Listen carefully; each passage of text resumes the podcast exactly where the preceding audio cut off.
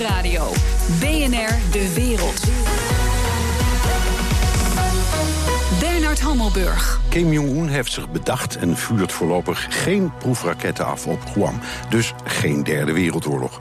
Mooi staaltje bluffpoker van Donald Trump. Ik vraag het aan mijn gast Remco Breuker, hoogleraar Korea-studies aan de Universiteit van Leiden. Welkom, meneer Breuker. Dank u wel. Nou, geen raketten, misschien zelfs onderhandelingen met Noord-Korea. Uh, Trump zei uh, net nog. Nou, gelukkig, die uh, Kim die toont zich nou toch van zijn redelijke kant. Heeft Trump het spelletje armtje drukken van Kim gewonnen? Nee, ik ben bang voor niet. Ik, ik denk zelfs dat hij verloren heeft. Leg uit. Als je kijkt wat Noord-Korea aan het begin van, van deze ellende allemaal wilde. Het was geen oorlog, heel duidelijk. Dat is iets wat ze altijd waar ze mee dreigen, maar wat ze niet, niet, niet aankunnen, dat zouden ze verliezen. Um, en wat ze wel wilden, is um, eigenlijk erkenning van het feit dat ze een, een mogelijkheid zijn met kernwapens en met raketten die Amerika kunnen bereiken. Zonder dat Amerika hen daarvoor zou straffen door ze aan te vallen. Nou, daar, daar zijn we nu beland. Noord-Korea heeft de raketten. Ja, maar je kunt ook zeggen dat dat wisten we eigenlijk al een tijd dat ze ermee bezig waren. Ja. Alleen hooguit niet hoe snel dat ging. En ja. de vraag is ook of het echt zo snel gaat als, als ja. we nou allemaal horen. Maar daar komen we direct misschien nog wel over te spreken. Maar je kunt zeggen, het waren proefraketten waarmee hij dreigde ze af te schieten op Guam. Dus lege hulzen in feite. Hij heeft dat uiteindelijk niet gedaan. Dan moeten we toch in elk geval voor dit moment uh, opgelucht ademhalen. Hij zou het nooit hebben gedaan, denk ik. Ik denk als er gebluft is. Uh, dan is er zeker ook gebluft vanuit Noord-Korea. Raketten afschieten op Amerikaans grondgebied. Dat doe je alleen maar als je gewoon echt bereid bent om, uh, om de repercussies daarvan te aanvaarden. En ik denk niet dat Noord-Korea dat was. Dit is puur geweest om eigenlijk Donald Trump uit zijn uh, tent te lokken. En dat is goed gelukt. Ja. ja, hoewel hij zelf blijft zeggen. Ik heb deze slag toch aardig gewonnen. Dat, dat zegt hij over meer dingen waarvan. Uh, Misschien, nou ja, maar je zag ook in een soort van zucht van verlichting door de wereld gaan. Ja, oh nee, dat de is zeker. beurs reageerde ja, positief. Ja. En dat zijn toch allemaal mensen die misschien wel emotioneel zijn, maar ook wel hun hersens gebruiken. Nee, absoluut. Nee, dat, daar is absoluut gelijk in. Ik ben ook heel blij met het feit dat er geen confrontatie is geweest. Dat er geen raketten zijn afgeschoten, waar dan ook naartoe. Ik denk dat het kwam een bluff, uh, bluff was van, van Noord-Korea. Had dit op een militaire confrontatie kunnen uitlopen met wat meer pech? Ja, absoluut. Ja. ja. Um, nou wordt er gesproken over onderhandelen of het hervatten, wat dan heel lang het zes landen overleg ja. werd. Volgens mij bestaat het officieel nog steeds. Uh, maar als uh, Noord-Korea kernwapens heeft en ze niet wil opgeven, ja, wat heeft onderhandelen dan voorzien? Geen. Ik ben ook uh, groot voorstander van het vijflandenoverleg, namelijk zonder Noord-Korea over Noord-Korea. Dat, dat meen ik heel serieus. Dan even voor de duidelijkheid, ja. voor de luisteraar. Die zes landen ja. waren uh, Rusland, China, ja. Amerika, Noord-Korea, Zuid-Korea en Japan. Japan en u zegt dat moet maar verder. Waar moeten ze over onderhandelen? Hoe, hoe om te gaan met Noord-Korea? Hoe om te gaan met het feit dat die kernwapens... Uh, die zijn natuurlijk al een tijd, maar ze waren niet zo klein en zo mobiel. Dat, dat is de algemene inschatting nu. En die komen niet meer op tafel, denk ik. Die komen niet meer op de onderhandelingstafel. En, dan, en dat betekent eigenlijk een de facto erkenning van Noord-Korea als kernwapenstaat. Oké, okay, maar gesteld nu dat u daarbij zat, bij dat ja. vijf landen overleg... Ja. en u was uh, ingehuurd als adviseur, wat zou ja. uw advies zijn? Hangt er vanaf aan welk land. Maar het, zou, het, het resultaat. Nou, laten we zeggen, die vijf landen zitten om tafel: Rusland. China, Amerika, Japan ja. uh, en uh, de Verenigde Staten. En uh, zeggen aan u het woord, meneer Breuker. Wat is het advies? Er zijn twee dingen die je moet voorkomen, denk ik, op, de lange, op de korte en de lange termijn. Is dat die kernwapens gebruikt gaan worden en dat de technologie en soortgelijke technologie het land verlaat. Dat is denk ik ontzettend belangrijk. Ja, maar u zegt net, Kim heeft ze en uh, da daar ging het om. Ja. Dus die geeft ze niet op. Nee, hij geeft ze ook niet op. Kijk, een militaire optie is er niet, denk ik. Um, enige optie die ik zie, en ik kan, kan helaas geen garantie op slagen geven is de, de, de, sancties flink aandraaien en veel specifieker maken. En al die netwerken die Noord-Korea heeft door de hele wereld lopen. om zowel geld te verdienen als onderdelen voor de raketten en de kernwapens, weet ik het allemaal. Um, te vergaren, uh, die proberen plat te leggen. Hele rare vraag misschien, maar wat ja. maakt het ons uit? Als Noord-Korea kernwapens heeft. Het ja. zegt, zegt net zelf, er komt geen oorlog, want dat zou zelfmoord zijn. Ja. Dus ja, er zijn wel meer landen met kernwapens. Ja. Ze staan niet allemaal op het lijstje van landen die het non-proliferatieverdrag nee. hebben getekend. Dus, ja. dus waar maken we ons druk over? Ja, um, dat is absoluut waar. Uh, we maken, één reden die ik kan bedenken is, um, dit lijkt er niks mee te maken te hebben. De vluchtelingencrisis in Europa op dit moment. Die ehm, Noord-Korea is een wapenexporteur. Niet meer zoals het was in de jaren negentig, maar nog steeds uh, behoorlijk. En het is de grootste wapenleverancier lange tijd geweest. En misschien dit jaar weer van Syrië. Assad had het waarschijnlijk niet gered, hoogstwaarschijnlijk zonder al die Noord-Koreaanse steun. Stelt u eens, zeg eens voor een Syrië waar vier, vijf jaar geleden al onderhandeld was en vrede was gesloten. Om dit soort dingen gaat het. Om de proliferatie van wapens, kernwapentechnologie, gifgastechnologie, de hele wereld in. Noem, noem, noem nog eens wat meer op het klantenlijstje, want u noemt nu Assad. Wie nog meer? Uh, Hezbollah, bijvoorbeeld. Uh, Egypte. Uh, Oman. Botswana. Zimbabwe. Oeganda. Ik kan nog wel even doorgaan. en dat zijn, aan wat kopen die? Bij, van alles, maar vaak raketten. Um, wapen, uh, wapens en ook de wapenproductielijnen, zodat je zelf je eigen fabrieken kunt opzetten. Om bijvoorbeeld uh, Kalashnikovs en zo te, zelf te produceren. Ja, ja. En dat is een hele belangrijke bron van inkomsten, maar het is ook een hele belangrijke vorm van proliferatie, al zijn het geen kernwapens. Ja, absoluut. En dat gaat nog steeds maar door. Dat gaat nog steeds door. Ja, op, uh, ja. Dus we hebben altijd het beeld van uh, uh, Noord-Korea, dat het, hebben wij, u en ik ook vaak over gesproken, dat het toch eigenlijk alleen maar goede banden heeft, of belangrijke banden met China en een beetje met Rusland. Maar dat beeld klopt dus ook niet. Nee. Kijk, als je op staatsniveau kijkt, dan, dan is Noord-Korea een geïsoleerd land. Als je wat dieper graaft en onder dat niveau kijkt, naar, uh, dus eigenlijk spreekt met de mensen die deze netwerken onderhouden, Noord-Koreaanse zakenmensen, dan krijg je echt een ander idee. Hoe loopt zoiets? Want u zegt Hezbollah, laten we Hezbollah nemen. Ja. Dat wordt voor een belangrijk, dat, dat, dat is, ja, je kunt zeggen Syrisch-Libanees, wordt voor een belangrijk deel overeind gehouden door Iran. Dat, dat moet daar dus van weten. Of er misschien zelfs bij betrokken zijn. Hoe werkt dat dan? Want Korea wil wat aanbieden en Hezbollah wil het hebben. Maar je, je loopt niet naar de winkel. Nee, nee, maar dit, dit zijn eh, betrekkingen die al, die al tientallen jaren teruggaan. Zeker met Iran en met Syrië. Um, het leiderschap van Hezbollah bijvoorbeeld nu is opgeleid in Pyongyang. Uh, hebben daar een tijd gezeten, hebben daar geleerd om hoe guerrilla-strijd te vechten, et cetera. Dus dat gaat dan een tijd terug. Het geld daarvoor, voor zover um, dat kan worden vastgesteld, komt inderdaad uit Iran. Dus het is Iran die. die dus, die dus heel simpel. Iran, of er gaan, er gaan leiders van bijvoorbeeld Hezbollah naar Pyongyang voor een cursus, zou ik maar zeggen. En Iran betaalt. Dat was, ja, en dit was nog voordat ze leiders waren. Dit was toen ze, ik denk, ja, high potentials waren in de beweging. Die zijn toen in de jaren 80 en ook nog in de jaren 90 naar uh, Pyongyang gestuurd, opgeleid. En dat zijn de aanspreekpunten nu. Noord-Korea heeft ook zelf mensen die uh, ook vloeiend Arabisch spreken, die ook thuis zijn in alle verschillende Arabische staten en die daar goede contacten hebben. En het is, dat zijn de netwerken uh, waar Noord-Korea eigenlijk zijn geld dus mee. Hun, hun, hun wapenspecialisme zit in uh, die landen die wij of uh, failed states noemen, of, uh, of schurkenstaten. Daar verdienen ze hun geld aan met wapens. Niet alleen, zijn ook staten met weinig geld niet noodzakelijk failed states zijn, maar ja, het, het, het allebei. Ja. Ja, je gaat naar Noord-Korea toe omdat je of nergens anders kunt komen... of omdat je geen geld hebt. En is het goed wat ze produceren?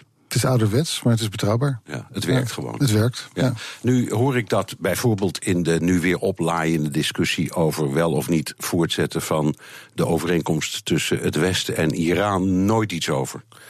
Ja. Uh, ja, u kunt de bal terugspelen en zeggen dat ligt aan jezelf, dan moet je er wat aan doen. Maar hoe komt dat? Dat uh, bijvoorbeeld de band die Iran dan moet hebben, dat die nooit in de schijnwerper staat, ook niet toen die lange onderhandelingen liepen over dat kernwapenakkoord. Ja, dat, is, dat is iets waar ik zelf ook niet. Uh geen antwoord op kan geven. Ik, ben, ik, ik weet het niet, ik begrijp het ook niet helemaal. Het, uh, ik, het is niet dat ik de enige ter wereld ben die dit weet. Er is onderzoek naar gedaan. De artikelen zijn er. Syrië idem dito. Die band die komt ook eigenlijk nooit in het nieuws.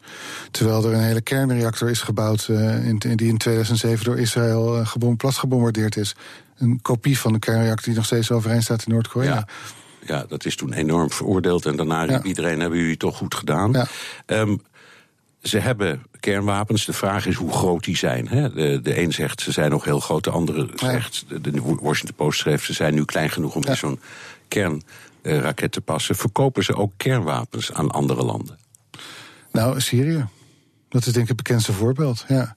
En dat is, uh, ik denk dat er uh, aardig wat gebeurt waar we helemaal geen idee van hebben. Ik heb, ben net terug uit Zuid-Korea, waar ik met. Noord-Koreanen heb gepraat, voormalige Noord-Koreanen moet ik zeggen. Die, uh, en dat waren de mensen die dit soort netwerken beheerden.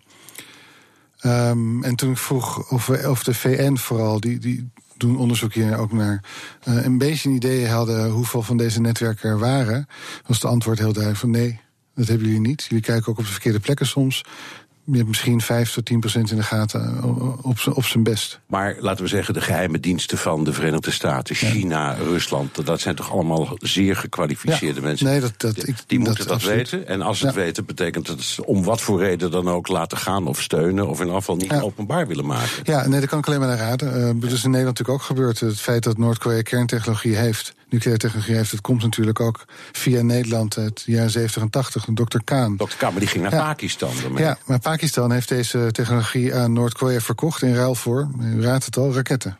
Ja, ja. ja.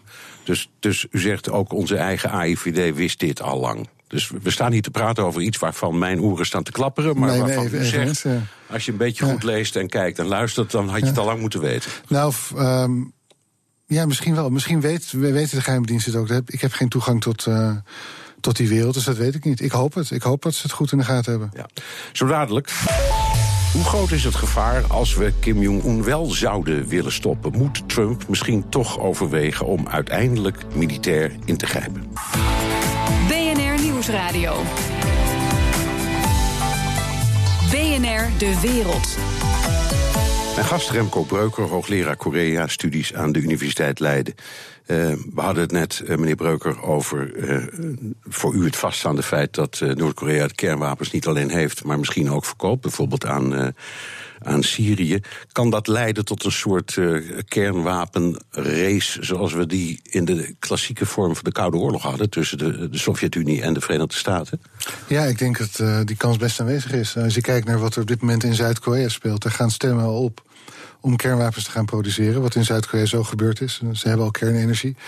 En in Japan idem dito. Uh, zelfs een, oud, een Amerikaanse oud-admiraal heeft uh, vandaag te kennen gegeven dat volgens hem Japan kernwapens moet krijgen om Noord-Korea echt in toom te houden. Ja, nou was de filosofie altijd bij die kernwapens, dat, dat, dat noemen ze deterrence, afschrikking. Ja. Als twee vijanden er genoeg hebben, dan. Ja dan haalt niemand het in zijn hoofd om echt op de knop te drukken, want dan is iedereen en alles vernietigd. Zou dat mechanisme daar ook werken? Want mijn indruk, wij, wij, roepen steeds wel, die Kim is een beetje raar mannetje, maar het lijkt me wel een hele rationele man. Ja, absoluut. Nee, ben ik ook met u eens. Hij, hij en zijn mensen zijn, eh, zijn heel rationeel. Uh, op, het, op, uh, op het killen en koude af. Echt, uh, laat zich niet makkelijk door emoties volgens mij beïnvloeden. Het zou kunnen werken. Um, ik denk niet dat het een hele wenselijke situatie is. Maar aan de andere kant, een, uh, een Noordoost-Azië waar alleen China en Noord-Korea kernwapens hebben, is ook niet wenselijk. Nee, nee, dat, natuurlijk. Nee, De kernwapens zijn nergens wenselijk. Maar je denkt, als dat evenwicht zou werken, hoe, hoe barbaars het ook mogen klinken, dan moeten we misschien denken, nou ja, laat maar gaan dan. En dan inderdaad wat die. Ik neig, zelf, ik neig daar zelf wel naartoe. Ja. Ja, Dus bewapen Japan en Zuid-Korea dan ook maar. Ja, dat is wel de conclusie. Dat is de consequentie. Nou had u het er net over dat in het, het, de wedstrijd armpje drukken tussen eh, Kim en Trump. Kim duidelijk heeft gewonnen. Wat heeft hij dan precies gewonnen? Tot nu toe ging uh, inzet van eventuele onderhandelingen, die er nog steeds niet zijn, um, om afschaffing van het, uh, van het kernwapenprogramma van Noord-Korea. Nou, dat lijkt niet van tafel af te zijn, omdat ook Amerika heeft ingezien dat het daar te laat voor is. Ja, ze hebben het in het verleden ook geprobeerd. Clinton heeft het geprobeerd, Bush 2 heeft het geprobeerd met allerlei cadeautjes en rechtstreekse pogingen. Dat is allemaal niet gelukt. Waarom niet? Ja, dat, uh, ik denk dat de schuld daarvoor aan twee kanten te, te zoeken is. Noord-Korea deed heel erg zijn best om onderuit te komen. En Bush, zeker Bush 2, was maar al te blij toen hij, toen hij een goede reden had om, uh, om het uh, programma te stoppen. Um, maar uiteindelijk. Ja, wat, wat hij toen heeft gekozen, als ik het me wel herinner, heeft ze gewoon schenkingen gedaan. Heel veel geld, aardolie, nog wat van dat soort dingen. om te eh, zeggen: we begrijpen dat jullie problemen hebben, laten we het via die kant proberen. Ja, dat was ook wel openlijk dat hij het zo deed. Ja, wel, nee, zeker. Ja, en dat is toen, uh, toen Noord-Korea toch door is gegaan met het ontwikkelen van, uh, van technologie, is dat stopgezet. Um, maar als je nou kijkt, eh, goed, we hebben nu Trump, die laat zijn tanden zien en u zegt, ja, dat kan wel zo zijn, maar eigenlijk heeft hij verloren. Uh, maar daarvoor gebeurde er, behalve dan die, eh, die AI-pogingen van Clinton en Bush 2, eigenlijk niks. hoe, hoe zit het dan als je terugkijkt naar de, de voorgaande acht jaar, de tijd onder Obama? Die had hetzelfde probleem. Sterker nog, bij de overdracht van de macht heeft Obama tegen Trump gezegd: Noord-Korea wordt jouw allergrootste probleem. Kan je nagaan met wat er nu allemaal gebeurt. Dus wat heeft Obama, die het dus beseft heeft, eh, dan heeft hij het laten sloffen of ja, niet goed aangepakt? Ik denk dat hij het heeft laten sloffen. Ik denk dat hij toch heeft, uh, ik weet niet, uh, heeft gehoopt op het goede in de mensen uh, in Noord-Korea of zo. Ik, ik, strategic patience is een complete mislukking geweest, denk ik. Behalve vanuit Noord-Koreaans perspectief is niks uitgekomen. Nee. Wat had hij moeten doen of kunnen doen? Want, ja, um, hij had, had toch aardig wat kunnen doen. Zeker aan het begin van zijn termijn. Uh, dat is natuurlijk, we hebben het over bijna negen jaar geleden. Op, dat was nog een moment waarop uh, de Noord-Koreaanse kernwapenontwikkeling stop had kunnen worden gezet. Misschien door onderhandelingen, al ben ik daar uh, iets wat uh, sceptisch over. Maar goed, dat is ook met de kennis van nu. En als dat niet was gelukt, dan denk ik door een, een strikt sanctiebeleid had dat, had dat in ieder geval heel erg vertraagd kunnen worden. Ja, maar we hebben, u was nog niet zo lang geleden ook hier ja. de gasten. Toen hebben we gesproken over zin en nut van sancties. En nu even uit mijn hoofd, vat ja. het samen. U zei, ze hebben zoveel andere vormen van inkomsten in ja. Noord-Korea. Dat het stopzetten van de import van olie of kolen nee, door China en dat soort dingen, ja, ja, dat helpt allemaal ja. geen moer. Nee, dat heeft u helemaal gelijk in. Zeker omdat China de sancties afkondigt, maar niet implementeert. Um, ja, hoewel dat... ze nu bezweren dat ze dat wel doen. Hè? Ze zeggen, nee, we weten dat we dat niet altijd hebben gedaan, maar we doen het echt. Maar dan nog. Dan nog. Nee, klopt. U heeft helemaal gelijk. Maar als, als het om sancties gaat, dan, dan waar ik op doel, is de hele specifieke sancties die echt op, op maat zijn gemaakt voor al die dingen die we nu nog niet goed in kaart hebben. Zoals? tussen al die netwerken waar we het net over hebben gehad. Ja. Dat die worden platgelegd. Dat je sancties hebt die echt op, op de man of op de vrouw worden uh, toegesneden. Doe je dat niet en blijft het bij de, dit soort algemene sancties. Ja. Ja, maar goed, als je, als je zegt het gaat bijvoorbeeld om wapenverkoop. We hebben vorige keer ook gesproken over drugshandel, ja. uh, valse munterij, ja. weet ik wat. Er is zo'n hele lijst slaven komen. Ja. Daar heeft u heel uh, onthullend onderzoek, doet u daarnaar. Um, om zoiets te kunnen aanpakken, dat, ja. dan kun je wel, dat had Obama wel kunnen roepen, maar dat kan je niet alleen. Zelfs als Amerika, nee, heb je dus ja. en China en ja. Rusland en misschien nog een heleboel. En, en, en Iran, je hebt ze allemaal nodig. Je hebt dus veel, hoe doe je ja, dat dan? Ja, en je begint denk ik met een uh, coalition of the willing. Je begint met Amerika, met, met de EU, met Zuid-Korea, met Japan. Um, en dan is het denk ik een kwestie van uh, een beetje bij beetje meer. Uh, meer mensen erbij proberen te betrekken. Wat ontzettend moeilijk gaat zijn omdat het zo gepolitiseerd is. Maar zelfs als dat niet helemaal lukt, als je die vier partners hebt, dan kom je een heel eind. Zeker met de VN erbij. Ja, maar dan, dan nog, die, die wapenhandel. Ja. Of de valse munterij, wat heel groot schijnt te zijn. Ze schijnen perfecte dollarbiljetten ja. daar zo te kunnen maken. Dat moet de markt op. Ja. En als die vier grote machten samen besluiten om daar een stokje voor te steken, ja, dan kan het nog altijd via Rusland of China of weet ik wat voor kanaal alsnog de wereld in. Ja, dat zie je dan wel weer, denk ik. Ik denk, je moet het maar eerst doen. Um, en zoveel mogelijk proberen te doen. En dan improviseren, daar, daar, komt het waarschijnlijk op neer. Ja. Maar het is heel belangrijk om die informatie te poelen en er geld voor beschikbaar te stellen. En is het ook belangrijk om, dat, om daar meer ruchtbaarheid aan te geven? Want u noemt dat nu allemaal. En Ja. ik zei al, ik sta zo met u praten af en Ja. toe met mijn oren te klapperen. Ja. Zou het verstandig zijn om dat harder, bijvoorbeeld vanuit Washington of Ja, Brussel, de absoluut. wereld in te schreeuwen? Zeker, en zeker Brussel is natuurlijk nogal stil als het om dit soort dingen gaat. Uh, ik denk dat het een heel En goed idee is. denkt u dat dat zo is? Waarom is Brussel ja, niet denk wat... om, omdat Brussel bleu is, omdat we geen echt buitenland, verenigd buitenlands beleid hebben. Ik weet het niet.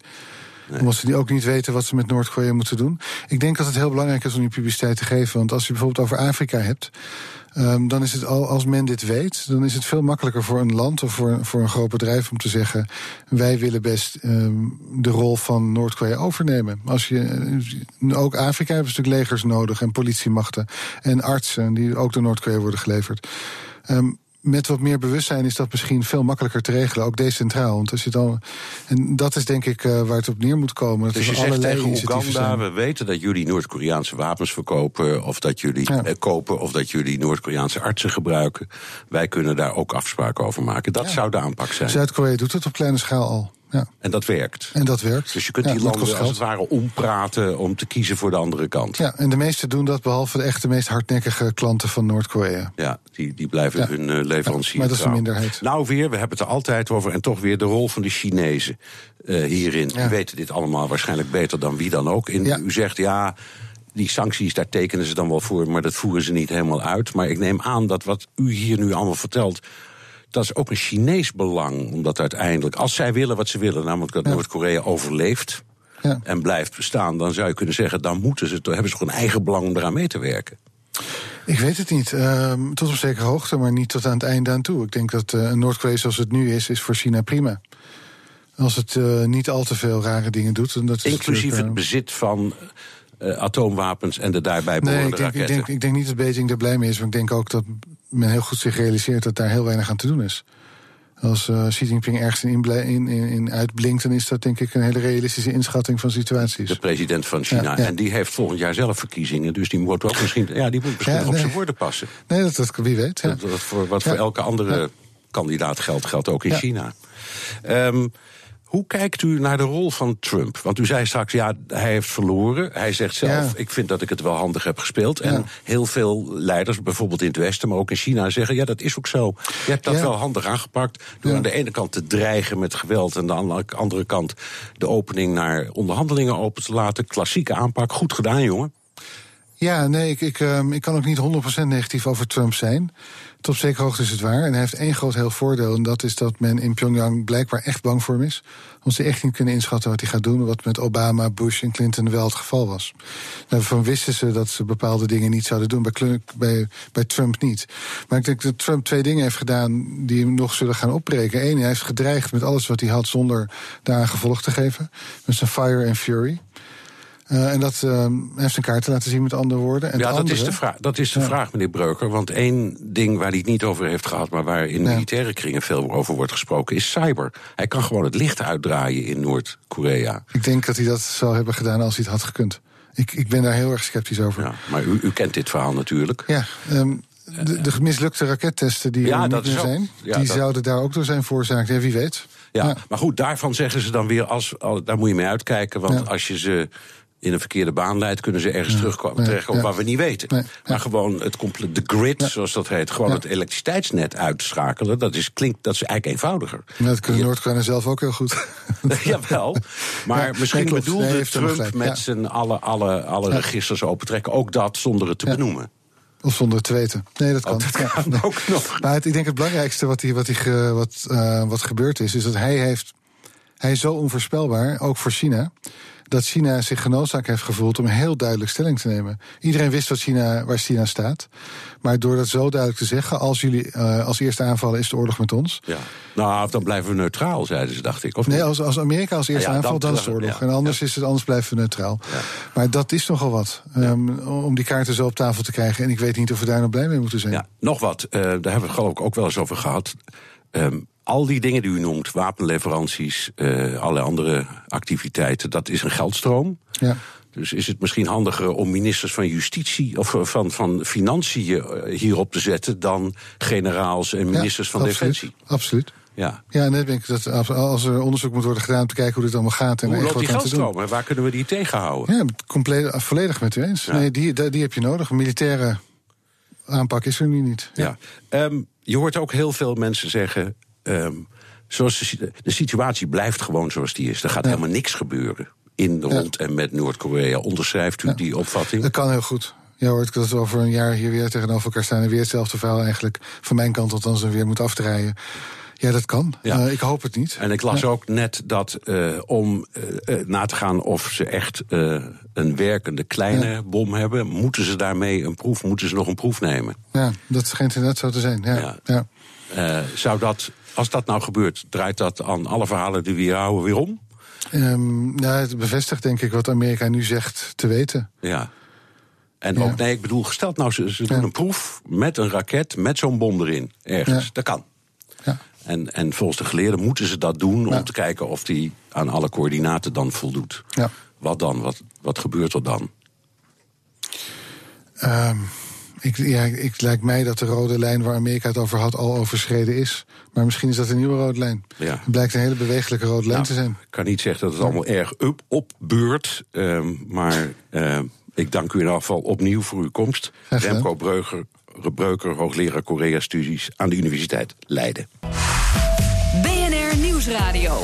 BNR De Wereld.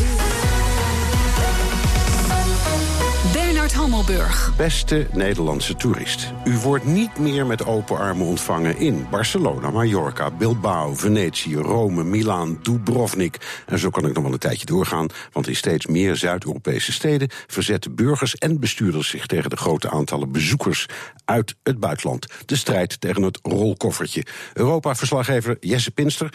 Op onze kleine tour door Zuid-Europa beginnen we in San Sebastian. Wat is daar aan de hand? En toen hoorde ik geen Jesse.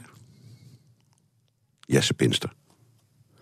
Waar in Europa zit je en ben je er? Gaat het lukken? Kijk nu naar techniek. Ben ik Werner? Ja, ha, dag Jesse.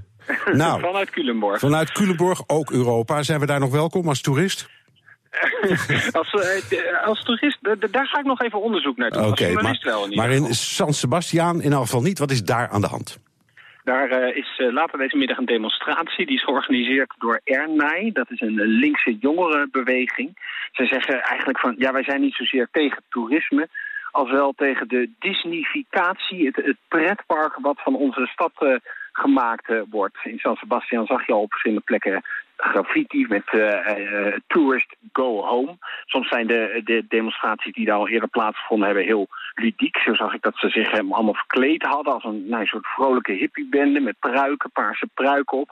Nou, grote speaker erbij waar dan deze muziek uitkwam. En dan een treintje met toeristen tegenhouden. Die kent je wel, die treintjes die door de stad uh, rijden en dan nou, allemaal confetti werd daar overheen gegooid. Dus vaak gaat het het protest van vandaag betekent trouwens wel dat het treintje na half zes niet meer zal rijden. Maar je hebt dat soort protesten toch in een heleboel steden? Ja, je ziet uh, vorige maand bijvoorbeeld in uh, Palma de Mallorca... werd met rookbommen en werden de ramen van een restaurant ingeslagen. Dus soms heeft het ook een toch wat agressieve ondertoon. Dat zie je met name in Barcelona. Waar, nee, de, de, ze zetten dan vaak de filmpjes van wat ze doen ook op internet. Dus nou ja, op een uh, toeristenbus met graffiti allemaal teksten schrijven. Er zijn ook filmpjes van dat ze de banden van fietsen lek steken. Van die fietsen die verhuurd worden aan, aan toeristen. En die filmpjes die ze dan op internet zetten, daar zetten ze dan weer een heel ander soort muziekje onder.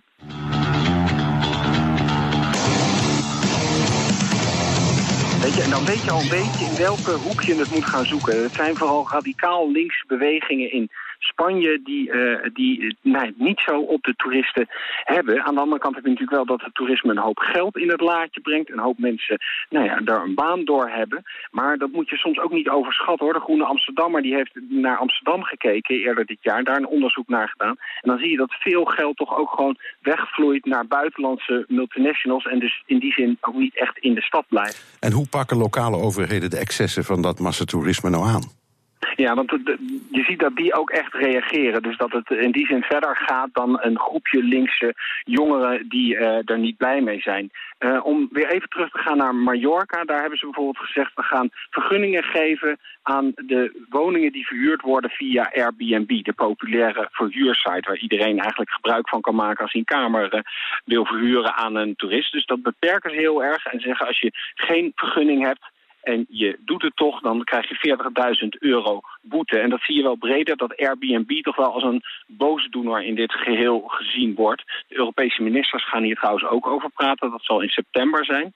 Om nog even een ander voorbeeld te noemen, Dubrovnik, daar hebben ze allemaal camera's opgehangen... zodat ze een beetje weten hoeveel mensen de oude stad inkomen. En uh, nou ja, als het een pak een beetje 8000 zijn, dan uh, gooien ze de stad op uh, slot. Of je kan het zoals in Italië doen. En dan zeg je, ja, we gaan gewoon ervoor zorgen dat ze niet meer op straat gegeten wordt s'avonds op straat drinken. Dat verbieden we. Rome en Milaan hebben dat gedaan. En op die manier gaan we het een beetje tegenhouden. De meer traditionele manier is, we moeten toerisme spreiden. Als het maar gewoon een beetje naar verschillende wijken gaat en niet allemaal in hetzelfde stukje zit. Dat is natuurlijk het lastige voor een stad als San Sebastian of Venetië. Dat zijn kleine steden, dus ja, daar heb je al snel dat iedereen bovenop elkaar zit. Maar goed, die spreiding, maar ja, dat is natuurlijk leuk bedacht. Maar Airbnb zorgt in zekere mate voor die spreiding. Dat toeristen door de hele stad gaan zitten. En dan krijg je natuurlijk ook dat mensen die daar gewoon wonen... ook met toeristen te maken krijgen. Dat ze bij hun buurt super de hele tijd tegen een toerist aanlopen. Dus in hoeverre die spreiding nou echt een oplossing is... voor de frustraties die daar bij lokale bewoners uh, uh, leven... dat betwijfel ik heel erg. Dankjewel, Europa-verslaggever Jesse Pinster... vanuit het toeristische Culemborg. BNR Nieuwsradio. BNR De Wereld. Bernard Hammelburg. Tijd voor de kwestie. En dat doen we over de nasleep van Charlottesville. En ik praat erover met Reinoud van Wachtendonk, onze eigen correspondent in Amerika. Hallo Reinoud. Hey Bernard, hallo. Trump heeft uh, nu de raad van top-CEO's ontslagen, economische uh, adviseurs, omdat de een naar de ander ja. wegliep. Is dat nou erg? Nou ja, het is, het is niet erg voor het reilen en zeilen van Amerika. Die mensen hadden een soort uh, ceremoniële functie. Die kwamen naar het Witte Huis, zaten rond een tafel met Trump, uh, lieten hun licht schijnen op de economische situatie. Dat had verder niets te maken met wat het beleid zou worden van het Witte Huis en van Donald Trump.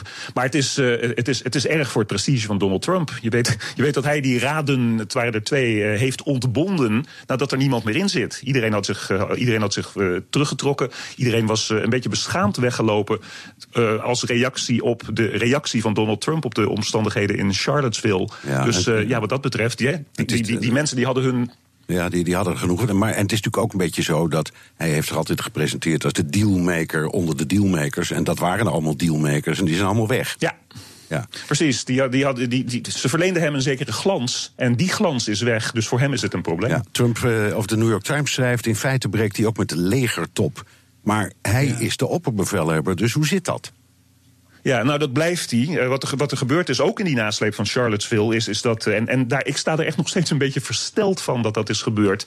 Uh, de vier hoogste bevelhebbers van de vier poten van de Amerikaanse strijdkrachten, hè, landmacht, luchtmacht, mariniers en marine, die hebben verklaringen uitgegeven waarin zij benadrukken dat wat er in Charlottesville is gebeurd fout is. Dat ze, waarin ze benadrukken dat racisme fout is. Ze, ze benadrukken gewoon alles wat Donald Trump in zekere zin in de interpretaties onder andere van, van de media, uh, tegenspreekt. Ja. De, de nazi's net zo erg als, eh, als mensen die op nazi's inbeuken, dat soort dingen. Die legermensen hebben in tweets en zo uh, zich daarvan gedistanceerd. Ze hebben Trump niet met name genoemd, maar ze hebben hun, tussen de regels door, je kan het gewoon niet anders interpreteren, hun commander-in-chief, en dat blijft die man, maar die hebben ze tegengesproken. Ja, en zit, ik vind dat bijzonder opmerkelijk. Ja, maar er zitten natuurlijk ook een hoop uh, minderheden in de strijdkrachten. Dus ik kan me ook wel voorstellen, Natuurlijk. je, denkt, je praat over mijn mensen, denkt hij dan. Ja.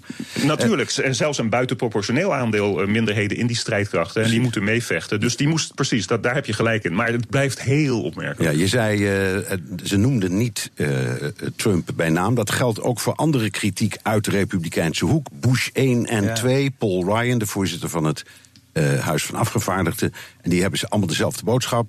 dat rechtse tuig deugt niet, maar de naam Trump val, valt niet. Waarom die formulering? Ja, dat, dat, dat blijft zo. Uh, als je de president bij naam gaat noemen, uh, dan, dan dien je in zekere zin bij naam een motie van wantrouwen in. De Amerikaanse democratie is heel anders dan onze Nederlandse parlementaire democratie. De president kan niet vallen. Maar als je die man met naam gaat noemen, dan moet je daar consequenties aan verbinden. En dat durven ze, of dat doen ze nog steeds niet. Ik denk A, om, uit, uit wat ik net zei, staatsrechtelijke overwegingen. Het heeft weinig nut om dat te doen. En B, het blijft nog steeds zo dat in uh, republikeinse voorverkiezingen die eraan komen volgend jaar voor de verkiezingen, de tussentijdse verkiezingen van november. Trumps mensen, Trumps activistische mensen, nog steeds een enorme invloed zullen gaan uitoefenen. En uh, nou ja, het geldt natuurlijk niet voor die oud-presidenten. Die hebben niks meer te verliezen of niks meer te winnen. Maar voor Paul Ryan en veel van die andere republikeinse politici, die moeten nog steeds in hun achteruitkijkspiegel letten op de keiharde basis van Donald Trump. Het is een, het is een kleine basis, maar in die republikeinse voorverkiezingen ja. een ontzettend belangrijke basis. En die willen ze nog steeds niet tegen het hoofd nee, nee, die hebben ze ook nodig. Oh, een van de mensen van wie we niet hadden verwacht dat hij met kritiek zou komen was Steve Bannon, die, ik zou maar zeggen, die ideoloog van het Witte Huis. Ja. Die noemde die nationalisten clowns. En dat vond ik raar, want het is net alsof je Hitler een clown noemt. Ja, ja, ja het, precies. En het, het, is ook het is badinerend bedoeld. Waarschijnlijk heel slim uh, uitge, uitge, uitgedacht door die Steve Bannon. Want daarmee zeg je, uh, jullie, winden je, jullie winden je op over clowns. Jullie winden je op over een heel marginaal klein groepje. En daarmee uh, ja, speel je in zekere zin Donald Trump in de kaart. Daar zeg je van, dus wat, wat, dus wat Donald Trump zegt is, is, is, is gewoon nazi's. Wat ik net zei, nazi's aan de ene kant precies hetzelfde als mensen die daar uit woede opkomen inbeuken. Dus het, vind het wel een verstandige formulering. Als je net wil doen alsof wat daar gebeurd is een heel klein dingetje is. Uh, dat je gewoon heel neerbuigend kan behandelen en overgaan tot de orde van de dag. Ja, dan die beeldenstorm. Uh, het ging in Charlottesville over een beeld van generaal Lee. Dat, dat moest neer, want dat is een soort symbool voor slavernij. Vinden mensen nu net. Ja. In Baltimore is midden in de nacht zo'n beeld weggehaald. Uh, waarom eigenlijk? Waarom moeten plotseling ja. al, die, al die kopstukken uit de, uit de burgeroorlog weg? En, en, en kun je zo ver gaan dat je zegt, nou dan moeten we ook maar het, uh, het, Lee Memorial op de begraafplaats Arlington ja. gaan weghalen? Ja, nou ja, nou ja wat je, het woord dat je gebruikt, symbool, dat is, dat is ontzettend belangrijk. Uh, de, de, de, maatschappij, de, maatschappij verandert, tijden veranderen. Twintig jaar geleden, misschien was, waren, waren deze symbolen nog, nog niet zo aanstootgevend symbolisch als ze nu voor een aanzienlijk deel van de samenleving zijn geworden. Uh, die beelden zelf, ja, daar heb, ik daar heb ik ook een beetje een probleem van. Maar ik denk dat het beste voorbeeld van de symboliek die helemaal uit de hand gelopen is, is dat is de vlag van die kant, van de zuidelijke kant, die vochten in de burgeroorlog. dat, eh, die, die, die, die vlag die kan echt niet meer. Er zijn nog steeds mm, Amerikanen, ook bij mij in de buurt, die met zo'n sticker op, je, op de achterruit van die vlag rondrijden. En daarmee zeg je, en dat zei je twintig jaar geleden misschien nog niet, maar daarmee zeg je: ik ben een racist en het maakt mij niet uit of, of je dat weet of niet. Uh, die, de symboliek uh, verandert en uh, daar, daar, daar, daar moet je mee leven, daar moet je mee omgaan. En ik denk dat Donald Trump in zijn uitlatingen richting die symboliek een beetje toondoof is met wat de meerderheid van de Amerikaanse samenleving de laatste 10, 15 jaar over die symbolen is gaan denken. Zo dadelijk. Trump, Trump, Trump. Al dan niet afvallige republikeinen, dat is het nieuws uit Amerika. Maar hoe zit het eigenlijk met de Democraten? Bestaan die nog? BNR Nieuwsradio. BNR De Wereld. Mijn gast, Reinhard van Wachtendonk, onze eigen correspondent in de Verenigde Staten. Reinhard, we hadden het net over de nasleep van de gebeurtenissen in Charlottesville. Laten we eens kijken hoe de Democraten ermee omgaan. Want wat me opvalt, is dat je, ja, wat, behalve wat, uh, wat uitingen van walging, eigenlijk van die Democraten bijna niks hoort. Waar zitten die nou in dit verhaal? En waarom grijpen ze niet meer de kans om hun stem te laten horen? Ik denk dat het, uh, dat het deels een beetje strategisch is. Uh, als je tegenstander bezig is met het graven van zijn eigen graf, dan, dan, trek je er een stoel bij en een, en, een, en een bakje popcorn en dan blijf je toekijken. Als jij dan uh, daar jij je, je, bommetjes aan gaan gaat toevoegen, dan loop je de kans dat het tegen je gekeerd gaat worden. Dus dat, dat is één ding. Een tweede ding is, is, is dat wat er ook gebeurt in de Verenigde Staten op ander gebied, het is, je zei het net zelf, Trump, Trump, Trump, Trump en niets anders. Die man die zuigt alle zuurstof uit de Kamer weg, bij de media weg. Dus er is gewoon geen ruimte voor democraten om hun eigen geluid te laten horen. Ze doen het misschien wel, maar er wordt gewoon niet over geschreven. Uh, en, en ten derde, ja, heel, uh, moet je zeggen, ze zijn ook niet erg gecoördineerd. Er is niet echt een duidelijke boodschap. Er is zeker geen partijleider van het formaat uh, Obama, of zelfs maar van het formaat vorig jaar Hillary Clinton, die de hele boel kan verenigen. Nee, um, en dat schiet me nou te binnen, maar gisteren was uh, het grote nieuws dat de meest uh, geretweete tweet, geloof ik, uit de geschiedenis ja. was commentaar van Obama. Dus ja. als, als, en nou goed, kun je zeggen, een die, ja, ja, ik dus als, wat je zegt, is, dus die als, is er. Ja, dus als iemand eens iets laat horen, dan is er wel degelijk belangstelling voor. En het gebeurt niet. Het, uh, het, gebeurt niet. Ik hoor, ik hoor nogal wat mensen in mijn omgeving zeggen. En ik zeg er gelijk bij, dat is een redelijk links-liberale omgeving. Die, uh, die, die, die, die willen zo graag dat Obama zich veel meer profileert. Dat Obama, omdat er op dit moment geen duidelijke opvolger van hem als partij vlaggedrager, kopstuk is, dat hij dat, dat hij dat maar doet, dat hij dat zelf zou moeten doen. Maar ja, je weet tra traditioneel doen oud-presidenten dat niet. Uh, dit zijn geen traditionele tijden, maar Obama is, is en blijft een, uh, ook wat dat betreft een, een traditioneel mens. Dus um, het, het, zou misschien moeten. Er zijn mensen die daar absoluut op wachten, die op die leider wachten. En dan moet het Obama maar zijn. Maar ja, die, uit die hoek komt het echt niet. Oké, okay, je zegt er is geen leider. We horen af en toe wel namen, maar dat lijkt wel uh, alsof dat uit de geriatrische inrichting komt. Biden, ja. Sanders, Pelosi, allemaal van mensen van diep in de zeventig. Ja. is, is er nou niks anders en niks beters? Um, er zijn onder de oppervlakte wel bewegingen. Uh, een, een, van de namen die ik ga, die ik ga noemen, uh, die, die op mij overkomt... en op mensen in de partij ook overkomt... als, uh, als een Obama in zijn eerste opkomst. in, in zijn, uh, toen hij toen die, toen die, toen die, toen die zijn vleugels aan het ontvouwen was. Hij was toen net senator. Hij had toen net die toespraak gehouden op de uh, partijconventie in 2004. Hij, hij, eigenlijk had Obama, hij, was, hij was twee jaar senator. Eigenlijk had hij, had hij, had hij, helemaal, had hij helemaal niet nee, niemand president hem. kunnen worden. Nee, niemand kende hem, maar hij had geen ervaring. Hij had helemaal niks in zekere zin. Maar hij had charisma en hij had een boodschap. En de persoon die daar, wat mij betreft, nu het meeste op, op lijkt, dat is is ook een kersverse nieuwe senator, Kamala Harris. een vrouw, ook een vrouw met een multiraciale achtergrond. ouders uit India en uit Jamaica. Ze was de officier van de, de, minister van Justitie in Californië. En zij trekt nogal wat belangstelling. Ze is goed in haar verhaal. Dus dat is, schrijf dat op. Misschien heb je er nooit van gehoord. Ja, jij wel, maar, maar luisteraars misschien niet. Kamala Harris lijkt wat mij betreft op dit moment het meest op Obama. En eh, ze zegt natuurlijk op dit moment zelf van... ja, ik heb niet echt belangstelling voor het presidentschap... maar reken maar dat ze dat wel heeft. Ja, en, en uh, geef eens een profiel. We weten dus dat ze van, ik zeg, wat rassenafkomst betreft gemengd is. Maar wat is de inhoud van haar boodschap? Zij is een heel duidelijk uitgesproken links-liberale democraat. Ehm, geen, geen, geen, geen extreme links-liberale democraat. Ze kan dus spreken tegen, die, uh, tegen de, de, de, de etnische achtergrond van de Democratische Partij hele belangrijke. Ik zei net eh, dat in de Republikeinse voorverkiezingen de meer ultrarechtse types heel belangrijk zijn. In democratische voorverkiezingen zijn het meer mensen aan de linkerkant. Um, vaak ook zwarte, zwarte kiezers, Latino-kiezers. Die uh, spreekt ze aan. Ze was als minister van Justitie in Californië veel bezig met zaken van sociale rechtvaardigheid.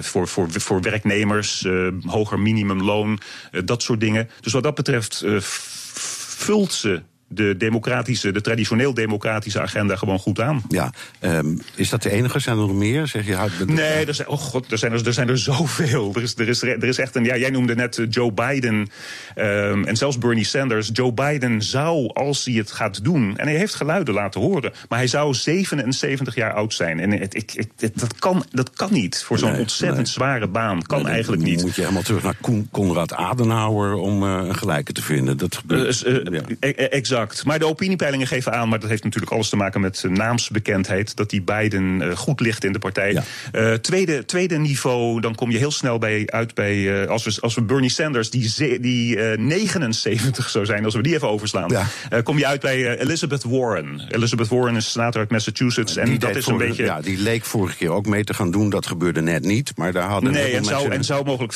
vicepresident-kandidaat kunnen zijn geweest. En zij is heel erg ideologisch verwant aan Bernie Sanders. Precies datzelfde.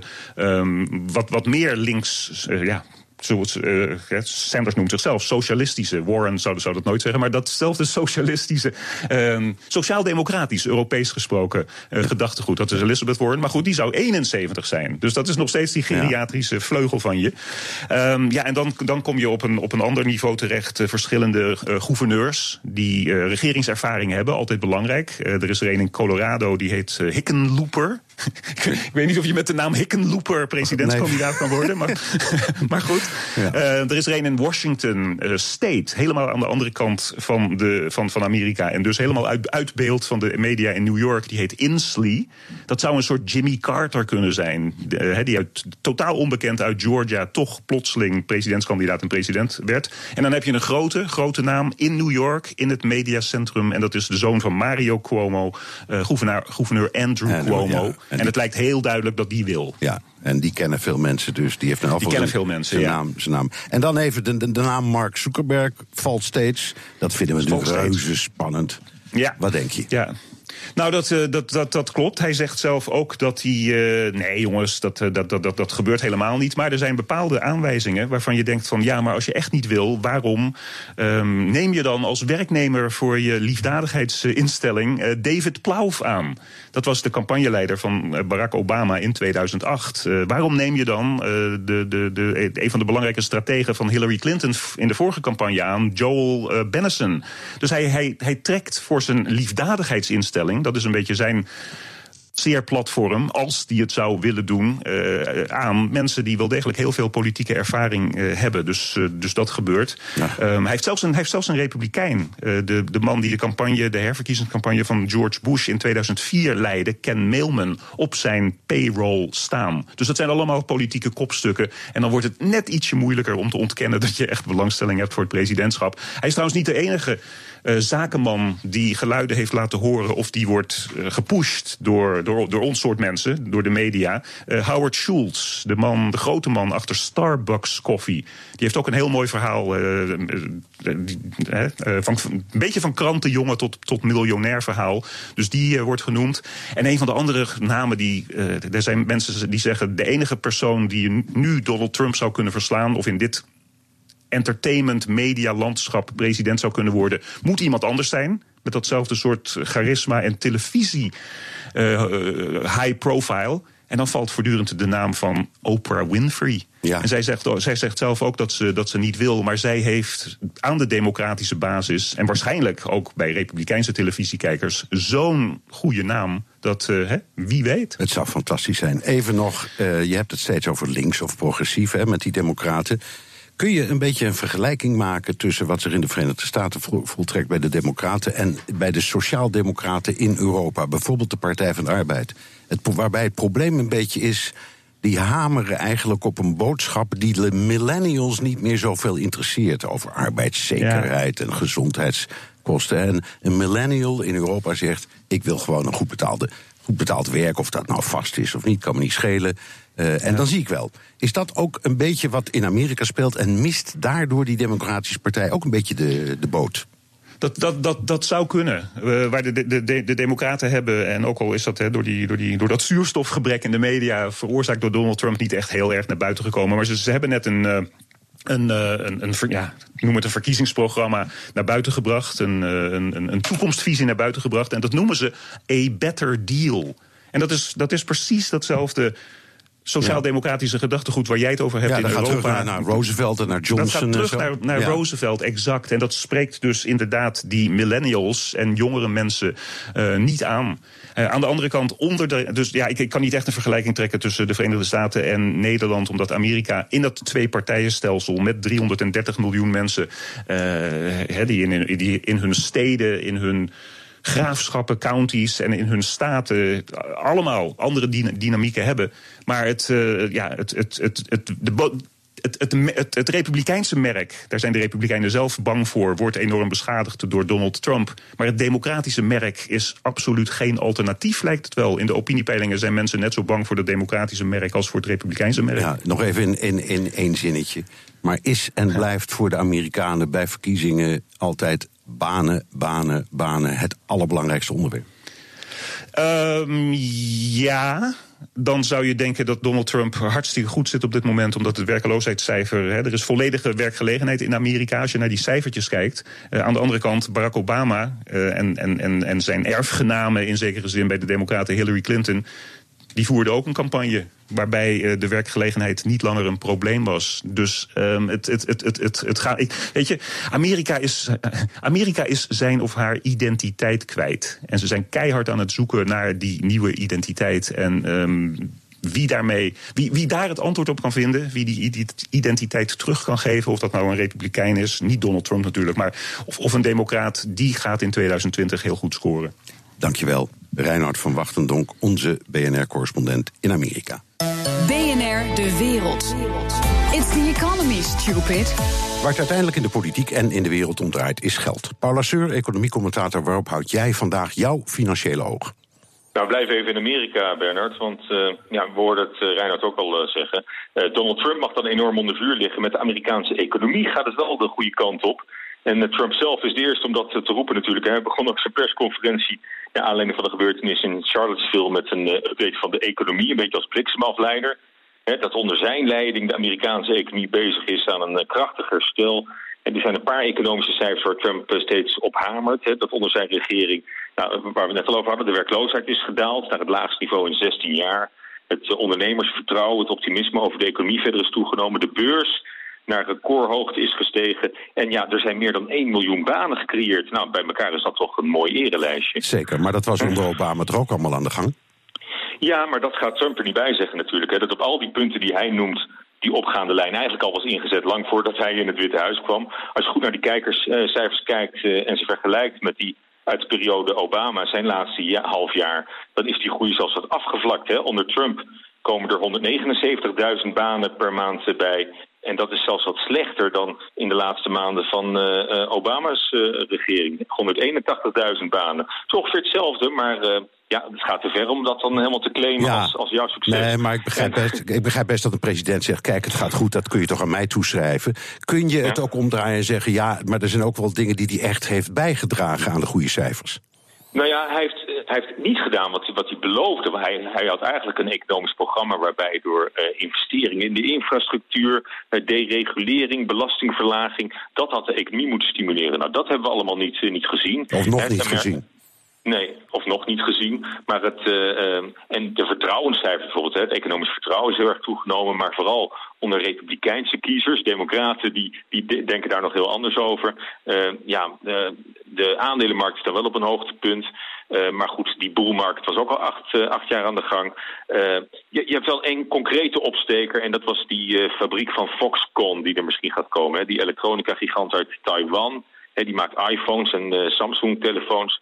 Die gaat de grootste fabriek bouwen in uh, Wisconsin. Hè. 10 miljard dollar gaat daarin. Uh, dat moet op de duur 13.000 banen opleveren. En dat lijkt toch wel een beetje een uitvloeisel van, van die powerpolitiek van, uh, van Donald Trump. Maar het is uh, echt maar een, maar een kleinigheidje als je het, uh, als je het vergelijkt met, met wat er eigenlijk had, had moeten gebeuren. En dus ja, de, de aandelenmarkten staan op een recordniveau. De, er komen elke maand nog steeds banen bij. Maar de suggestie dat dat, dat, dat het omkeren van een negatieve trend is geweest, dat klopt absoluut niet. Dus het is, niet, het is eerder ondanks dan dankzij Donald Trump dat, dat die economische opgang gewoon doorgaat. Dank, Paul Lasseur, economiecommentator. En tot zover BNR De Wereld. U kunt de uitzending terugluisteren online of via de BNR-app. Mijn naam is Bernard Hammelburg. Dank voor het luisteren. Tot volgende week.